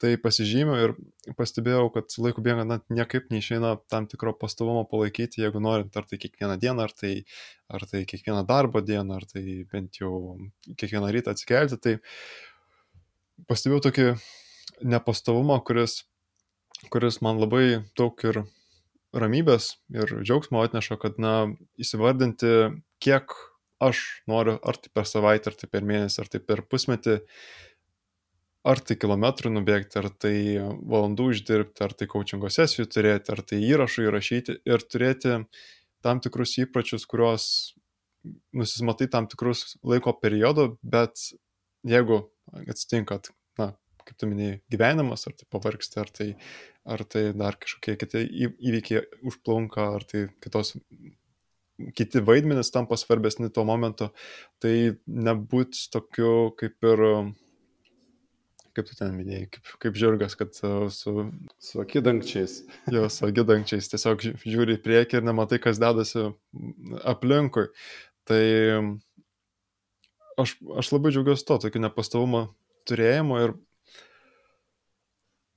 Žinai, suraskim kitą žodį iš tam nepastovumui. E, o galbūt tai yra tavo asmenybės lankstumas. Žiūrėk, skamba visai gerai, geriau. O, aš su lankstumu labai daug, čia net nesakysiu, iššūkių turiu, bet problemų jau. tai, tai, tai aš lankstumą, tai kai išgirstu, tai man iš karto visą nugarą pasišiaušia, aš, aš jau naudoju sinonimą. Ja, tai va, tai tada reikia, reikia apibrėžimo iš tikrųjų, apie ką mes čia kalbam, jis, kuris lankstumas yra pageidautinas, kuris yra nepageidautinas, nes nuo lankstumo iki blaškimosi matyti irgi vienas žingsnis. Mm. ne, iš tikrųjų, įpročiai yra geras dalykas. Realiai mes kaip, kaip, na, kaip žmonės, kaip asmenybės, kaip individai, matyt, nu, turim kiekvienas tam tikrų įpročių, kurių norėtumėm įgauti ir atvirkščiai, kurių norėtumėm atsikratyti. Ir tai tikrai nėra, nėra labai, labai lengvas uh, uždavinys. Bet tuos tikslus verta turėti. Tiesą sakant, tik tai mintis, vat, kai tu pasakoji, kokia man kilo, nebūkim tokie, tokie savo žiaurūs. Jeigu kažkas nepavyko, jeigu antrą kartą pabandžius irgi nepavyko, jeigu nu, ten įprotį kažkokį susiformuoti, nu paieškokit atsakymą, o gal to ir nereikėjo. Ir greičiausiai tai nebuvo taip svarbu. Jeigu nebuvo taip svarbu, tai greičiausiai gal nebuvo verta to. Tai mums dažniausiai nepavyksta tada, kai mes nežinom, kodėl mums to reikia. Visą tai turi sėtis į kažkokį tai na, didesnį paveikslą, į kažkokią visumą, kuri mums tikrai, tikrai patinka. Ar tai būtumėm kaip tas naujasis aš, kurį mes norim pastatyti, iš, iš, iš gabaliukų suklyjuoti, ir galų gale, ką tas naujasis aš reiškia toje aplinkoje, kurioje, kurioje esi. Žinau, įtariu, kad tau tenka tikrai apie tai kalbėti ir, ir, ir kaip, kaip, kaip coachui su, su savo klientais. Aš gal iš asmenės patirties labiau pasidalinsiu, tai man, pavyzdžiui, kad ar tai nesusiformavo įprotis ir man to nereikėjo. Labai, aš, aš, aš kadangi bėgioju galbūt 8 metus, tai labai man svarbu išlaikyti pastovumą bėgiami ir su čiūna problemų turiu, kad na jeigu kartais jie atsinaujina, nesinaujina skausmai, tai ir na su skaudančias čiūną nepabėgiosi, na, arba pabėgiosi David Goggins stilium, bet na, ką, nežinau, kokios ilgalaikės pasiekmes bus. Tai man tasai lank, lankstus, net, net noriu sakyti lankstumas, net žalia žuvis nesiverčia, bet tasai nepastovumas pastovumu, tai kad, na, jeigu aš jau nebegaliu bėgioti, ar tai susiformuoti įpročio, kad kiekvieną dieną bėgiočiau, ar bent jau išeičiau lauką pasivaikščioti 10 tūkstančių žingsnių surinkti, tai atrandu kitus būdus, kaip aš galiu palaikyti fizinę sveikatą. Tai jeigu negaliu bėgioti, na tai gerai, einu į salę sportuoti ir jeigu negaliu eiti į salę, tai namuose pasportuoju. Jeigu negaliu namuose pasportuoti, na tai na tai okei, okay, tai jau čia tikrai kažkas jau blogai yra ir na, reikia ilsėtis. Tada labai blogai, ko gero. jo, jau labai blogai yra. Bet kalbant apie tai, kad įpročio metimą, tai aš bandžiau, aš kadangi prieš tai bėgiau, na ir šiaip dabar įprastai pradėjau bėgioti rytais, nors nelabai patinka iš karto atsikėlus bėgioti, bet e, bėgiojant dabar e, rytais, e, na, žymiai paprasčiau, tiesiog pabėgiojau, šviežia galva ateina dirbti ne tik šviežia, kad jau prasiblaškęs, bet ir patys plaunu galvą, nes nemėgstu tris kartus per dieną praustis, na, atsikelia, atsiprausi, tuomet pasportuoji, atsiprausi, aš geriau pasportuoju ir iš karto atsiprausiu. Tai toksai, kai gaunasi, um, labai, labai ilgai einu prie minties, bet prieisiu prie jos, tai kai gaunasi, kad nepavyks tam tikrų įpročių susiformuluoti, ar tai jų įsigyvendinti, ar jų, jais gyventi, tai na, mitas yra, kad per 21 dieną mes įpročius susiformuojam, na, tyrimai rodo, kad tenais įpročio formavimas užtrunka nuo 18 iki 280 dienų, priklauso nuo įpročio, konteksto, aplinkos, sudėtingumo panašiai, bet esmė yra kartojimai. Kuo daugiau kartuosi, tuo labiau įprotis įsisavins. Ir jeigu nepavyksta kartuoti tam tikro įpročio, net ir pačio paprasčiausio, kad prieš atsiliepiant e, į skambutį tiesiog giliai įkvėpti ir na, nusiraminti, ar tai prieš pradedant, ar tai pabaigiant darbus, kažką, kažkokį veiksmą atlikti, ar tai nusimauti savo kostiumą, ar tai išjungti kompiuterį, ar tai dar kažką. Tai jeigu nepavyksta įpročio po jo suformuoluoti, tai ieškoti, kaip jį gali dar labiau supaprastinti iki visiškai minimumo. Jeigu negali bėgioti kiekvieną dieną, tai bent jau gal gali kiekvieną dieną tiesiog užsidėti sportbačius ir išeiti į lauką. Ir e, jeigu to negali padaryti, tai bent jau sportbačius užsidėti. Ir bandyti tokį įprotį susiformuoluoti. Ir aš, aš va tame labai daug prasmės matau tokiam pastovumo palaikyme, kad jeigu neišeina ar tai sportuoti, na, lengviausia metafora, tai jeigu neišeina sportuoti, tai susikonstruok tokį įprotį, kad na bent jau persirinktum į sportinę valnynę, e, jeigu visai motivacijos nėra, nes motivacija dažniausiai ateina bevykdant veiklą, o ne prieš ją. Tai Nu, ne visai. Le, leis paprieštrauti iš tikrųjų. Jeigu žinotum, kodėl tu sportuoji, ką tai tau duoda, kodėl tau, tau, ir, tau tai yra svarbu. Nes iš tikrųjų tai tikrai būtų labai geras ap, apmąstymo kelias, kol tu surasi atsakymą, kodėl tai tau svarbu, kaip tai siejasi su tavo žinau, vertybėmis, netgi iki to galiausiai darysi. Ir tau bus lengviau tą įprotį palaikyti. Žinojimas atsakymo į klausimą, kodėl, jis padeda išlikti labiau motivuotam. Bet vėlgi, tai nėra taip, kad tu vieną kartą radai tą atsakymą ir viskas. Ne, pasitikrink kars nuo karto, ar, vis dar svarbu. Ar vis dar tas atsakymas yra toks pat, kaip kad davėjai ten, tarkim, prieš metus. Tiesiog tai yra būdas, įprotis uh, pasitikrinti. Ir beje, o tas pasitikrinimas, grįžtamasis ryšys, mes jau kažkiek kalbėjome, bet iš tikrųjų tai nėra patogus klausimas ieškoti tų visų patvirtinimų, kad tai vis dar svarbu ir panašiai. Tai nėra patogu, tai nėra malonu, nekomfortiška. To vengia greičiausiai tiek žmonės atskirai paėmus, tiek organizacijos. Nes eiti ir daryti yra gerokai na, smagiau, paprasčiau, ten įsijungia ten, ten, ten visokie įvairūs, nežinau, ten mechanizmai pas mus viduje, kurie sukuria daug gerų emocijų, ten ir taip toliau ieškojimo procese mes pastiprinam save, abejonėse mes sukeliam tik tai nerimą. Tai reiškia, pats mąstymo procesas būna kitas. Tiesiog. Tai vat ieškoti atsakymų, kodėl aš tai darau, kodėl man tas įprotis yra svarbu, kodėl aš turiu ten organizacijos kontekste kažkokį e, kažką išsiugdyti, pakeisti, gebėjimus išauginti ir panašiai, atlikti, įgyvendinti kažkokį projektą. Už abejonių slypi neigiamos mintys arba nerimas, o už ieškojimo slypi ryštas surasti e, atsakymą, pastiprinti save. Ir sutinku, ir nesutinku. Sutinku, kad jeigu yra iškeltas vienas svarbiausias tikslas ir apie jį daug galvojama ir, na, na jeigu, sakykime, būčiau olimpietis ir treniruočiausi, nežinau, nubėgti maratoną per mažiau negu dvi valandas, tai vien galvoti, kodėl man yra svarbu apie bėgimą, sportą ir kokias vertybės tenkina, pilnai sutinku, kad tai man padės daugiau bėgioti.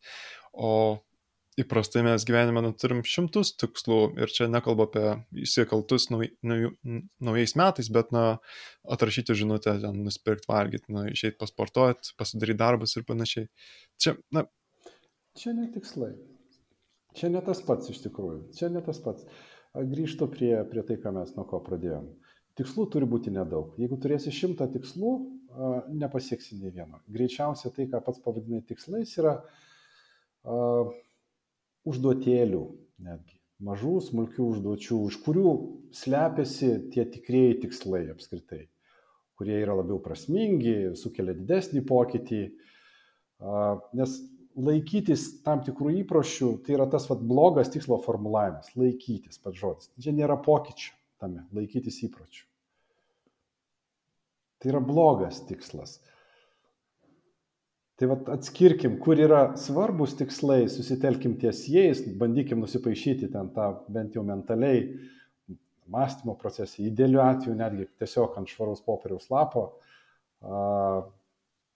kaip mes iki jo nueisim. Tai bus gerokai aiškiau iš tikrųjų. Ir ten nebus šimtai veiksmų. Ne, ten bus vienas, kitas, trečias veiksmas įskirti, kuriuos turi, turi padaryti tam, kad... Čia jau su terminais galim pradėti žaisti, kalbant apie... Ja, Taip, čia yra terminų žaidimas, bet, bet, bet žinau, šitą žaidimą, bent jau organizacijų kontekste, su vadovų komandomis, tai nuolatos tenka daryti. Nes noras yra, na, taip viską mikrokontroliuoti, nusismulkinti iki tokių detalių, kad pasirodo, kad ten mes jau kalbam apie vos ne kasdienę veiklą. Sakau, stop, stop, stop, atskirkim. Yra kasdienė veikla, taip tai yra svarbu, bet tai, kai mes kalbam apie pokyčius, mes nekalbam apie kasdienę veiklą. Taip, kai kurie pokyčiai sukuria gerus įpročius, jo, jo, taip, tikrai yra tokių, bet realiai vėlgi mes jų tų gerų įpročių formavimąsi bandom gyvendinti nuosekliai. Na, geriausias pavyzdys organizacijų kontekste yra lyno dėgymas. Juk dėgia lyno metodus ne dėl to, kad tai įdėkti juos, ne. Už to siekia tam tikrų pokyčių. Darbuotojų įsitraukimo, organizacijos kultūros, valdymo sistemų pokyčių, sklandžiai veikiančių procesų, labai daug, daug gerų dalykų. Kai supranti, ką tai duoda, lengviau susitelkti ties tuo ir atsiranda gera motivacija ir netgi iš vadovų lygio, kaip, kaip tą pasiekti, kodėl to reikia. Atsiranda noras aiškinti darbuotojams, atsiranda noras daryti tai nuosekliai, stebėti visas sėkmės, nesėkmės, sugrįžti, pakartoti, sustiprinti ir taip toliau. Ta prasme, užsikūrė geras, geras prasmingas procesas. Noras aiškinti darbuotojams, tai toksai labai geras. Čia aš suprantu, kad... Ne, tai jis, jis, jis labai, labai svarbus, beje, didžioji dalis pokyčių organizacijose neįvyksta, todėl kad vadovas neįsitraukia. O kaip jis gali įsitraukti? Komunikuojant, aiškinant priežastis, kad be to mes negalim ir taip toliau. Tai būtent tas aiškinti darbuotojams, tai labiau apie pokyčio priežastis, pagydaujamas pasiekmes, apie pasidžiaugimą progresu, kas beje irgi labai svarbu. Reikia surasti pirmosios žingsniuose tai, kas, kas iš tikrųjų sekasi, įvardinti tai. Ne, čia labiau iš tos pusės, kad kaip coachingo specialistas išgirdus žodį aiškinti, tai iš karto, vau, vau, vau, apie ką mes čia. Tai, bet nusiprantu, ką tu turi omeny, kad labiau jau komunikuojant, bendraujant, bet dar grįžtant prie mano minties, kur sutinku ir nesutinku, tai jeigu įvardinam tai tikslus, šimtą tikslų dienoje, na, kalbant apie tikslus, tai kad tai yra kažkokie, kažkokie ar tai rezultatai, į, įveikiai, veiksmai, na, tiesiog protinės prezentacijos galvoja, ką tu nori padaryti. Tai jeigu tai yra tiesiog smulkmeniškas tikslas, na, galim pavadinti tai užduotimis šimtais. Tai kai galvojame apie šimtus užduočių ir kai, na, jeigu, sakykime, šimtai užduočių nenorim atlikti, bet, na, jos yra svarbios mums ir naudingos, tai kiekvieną kartą apie jas pagalvoti, tai tikrai neturim tam energijos ir resursų. Ir apie pokyčius, jeigu kalbant pačioje pradžioje, atsimenu savo bėgimo pradžią, labai daug apie bėgimą šiandien, bet bėgam su tą mintim, tai kad, na, sportas yra svarbu, bet pradėti bėgioti, na, tikrai nėra malonu ir savai tikinėti, medituoti ar tai dar kažkaip sėdėti, na, tikrai nėra, nemanau, kad tai būtų paveiku. O manau, kad tuo atveju, kad lengviau pakeisti savo nuostatas, mintis yra per veiksmus. Ir vietoj to, kad bandyti savo mintis, nuostatas pakeisti su mintimis. Tai čia žymiai veiksmingiau yra tiesiog pasinaudoti savo kūno, ne galva.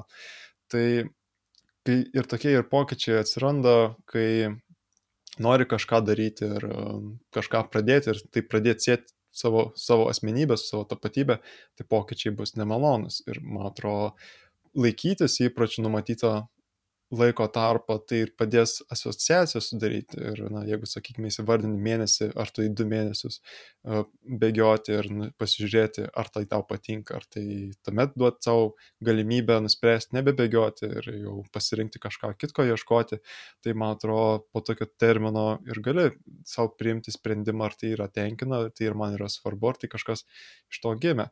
Ir nemanau, kad visais atvejais ir dažniausiai tiesiog neturime laiko apie tai pagalvoti įdėmiai ir daug apie tai. Tai kartais tiesiog išsikeli tikslą, apie jį pamiršti, kodėl tai yra svarbu, darai, darai, darai, darai, prisimeni apie jį ir žiūri, kad tai visai, visai faina gaunasi. Nes prisimint, kaip tai siejasi su tavo vizija ir vertybėmis, tai manau, kad retas apie tai pagalvoja dienoje iš, iš, iš tai, ką papasakojai, galėčiau padaryti tokį klaidingą apibendrinimą, kad visi pokyčiai yra nemalonūs. Ir mes sąmoningai kiek, vos ne kiekvieną minutę mastom apie šimtus užduočių ar ten tikslų kiekvieną dieną. Tai greičiausiai nei tas, nei tas. Nei ten šimtai, matyt kelios. Kai ką mes darom tiesiog net nesusimastydami, nes tai yra mūsų rutininio proceso, nu, dienos proceso dalis o tie pokyčiai ne visada jie būna nemalonūs. Aišku, yra ir tokių. Yra ir tokių, kurie verčia, verčia kažkiek kentėti, iš, bent jau pačioj pradžioje iš tikrųjų. O beje, grįžtant prie užduočių, tai aš siūlau tą užduotį netgi ir per coachingo sesiją, sakau, nu, parušiuokim, sutvarkykim, svarbu skubu, iš tikrųjų. Vos ne visą mūsų gyvenimą galima paskirstyti per tam tikras užduotis ar funkcijas, veiklas, kurias mes atliekam. Ir ta svarbu skubu matrica, svarbu nesvarbu, e, svarbu neskubu, svarbu skubu ir taip toliau. Nu, toks vat, žaidimas. Jis padeda mums surasti iš tikrųjų tas tikrasias veiklas, kurios mums teikia malonumą, kurios iš tikrųjų yra svarbios. Nes kai visas gyvenimas patampa svarbus ir skubus, tai reiškia gaisro būsena. Tokių dalykų turi būti labai labai labai nedaug. Ir jie neturi kartotis, nu, nuolatos kartotis neturėtų. Nes e, iš ko ateina tas pervargimas ir nedaug dievė perdėgymai, tai iš to, kad viskas būna svarbu skubu, greičiausiai. Kai nėra dalykų, kurie mums teikia malonumą, nėra dalykų, kurie teikia mums prasme, esam pernelik priklausomi nuo kažko, nu, šiuo atveju, matyt, ta mūsų finansinė patirtis gana dažnai ten mus visai vargina, netgi ir mintis apie tai vargina. Tai va, tai tiek norėjau trumpai reflektuoti tai, ką pasakėjai. Okay, tai vietoj klaidingo apibendrinimo bandykim kažkaip apibendrinti ir mūsų visą pokalbį. Tai,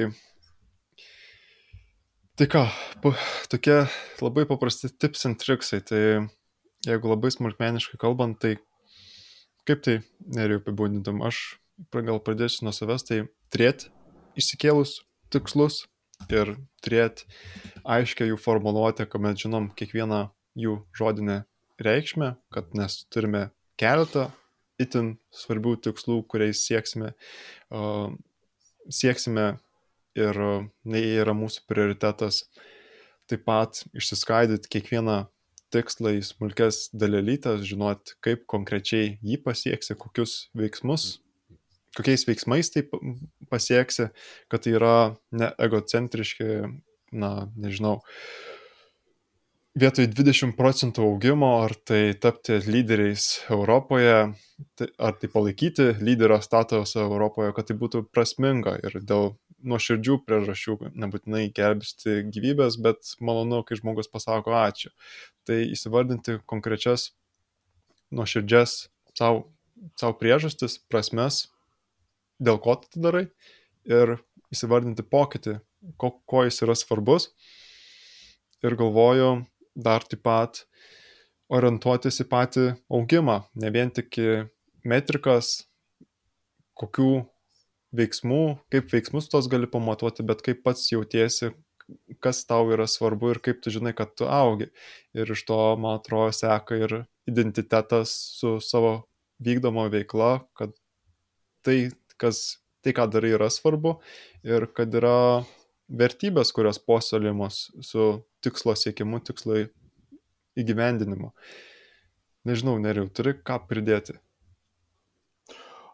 Aš, žinok, labai, labai paprastai žiūriu. Geriau tikslus turėti, negu kad jų neturėti. O tikslai turi iš tikrųjų nukreipti ar tai žmogų, ar tai organizaciją, mano galva, tai tas pats veikia labai labai panašiai į kažkokį prasmingą, reikšmingą pokytį. Nes tik tai tada, jeigu va, šitie du dalykai bus, iš tikrųjų bus tokie du dalykai, tik tai tada mes galėsim žengti pirmą žingsnį, tai veiksmų plano sudarimas dažniausiai būna pirmasis žingsnis. Nes jeigu nėra veiksmų, tikėtina, kad tikslas nebus pasiektas. Arba tai bus tikslas suformuoluotas taip, kad jis buvo nereikšmingas greičiausiai, ne nuo mūsų priklausantis. Dėkui, neriu. Ja, tai geriau turėti tikslus, o negu neturėti, o daugiau visą, kas apie tikslus, na, viskas priklauso nuo aplinkybių, ar tai malonus pokyčiai, ar nemalonus pokyčiai, kaip tie tikslai skamba, ko norima pasiekti. Na. Ai, žinai, ką dar pridėčiau? Jo, ko dar pridėčiau, o, geras tikslas užkabina tą vidinę motivaciją. Ta vidinį žmogaus norą veikti, kuris pagrystas tiek prasminga veikla, tiek mistiškumo augimu, tiek, na, idealiu atveju netgi ir savarankiškumo lygiu. Tai linkiu kiekvienam iš mūsų turėti tokius tikslus ir ne tik kiekvienam iš mūsų, bet, bet ir paraginti mūsų įmonės, kuriuose mes dirbam, kaip taisyklė, irgi įsikelti tokius tikslus. Linkiu lygiai to paties. Manau, kad ir geriau visiems tikslais aiškiais negu be tikslų. Ir kad tikslai nukreipia ir mažiau chaoso iš to atsiranda gyvenime, vietoj to, kad vien gaistrai dega dega, bet mm. ką, pareto principas, kad susitelkti į tas 20 procentų veiklų, kurios atneša 80 procentų rezultato. Ir dažniausiai reikšmingi rezultatai nėra tokie degantis, o kažką darant sistemingai. Tai tiek apibendrinant ir ką. Ačiū, kad klausėt. Taip, ačiū Domantai, kad pakalbinai. Tai sudė. Ačiū, kad skiriat laiko klausimui. Jeigu įdomu, kaip galite prisidėti prie šio podcast'o gyvavimo, tai visas nuorodas rasite įrašo aprašyme. O daugiau tikiuosi, kad išvalgos, žinios, kurios buvo pasidalintos šiame pokalbėje, buvo naudingos. Tai atsisveikinu ir sakau iki kito karto.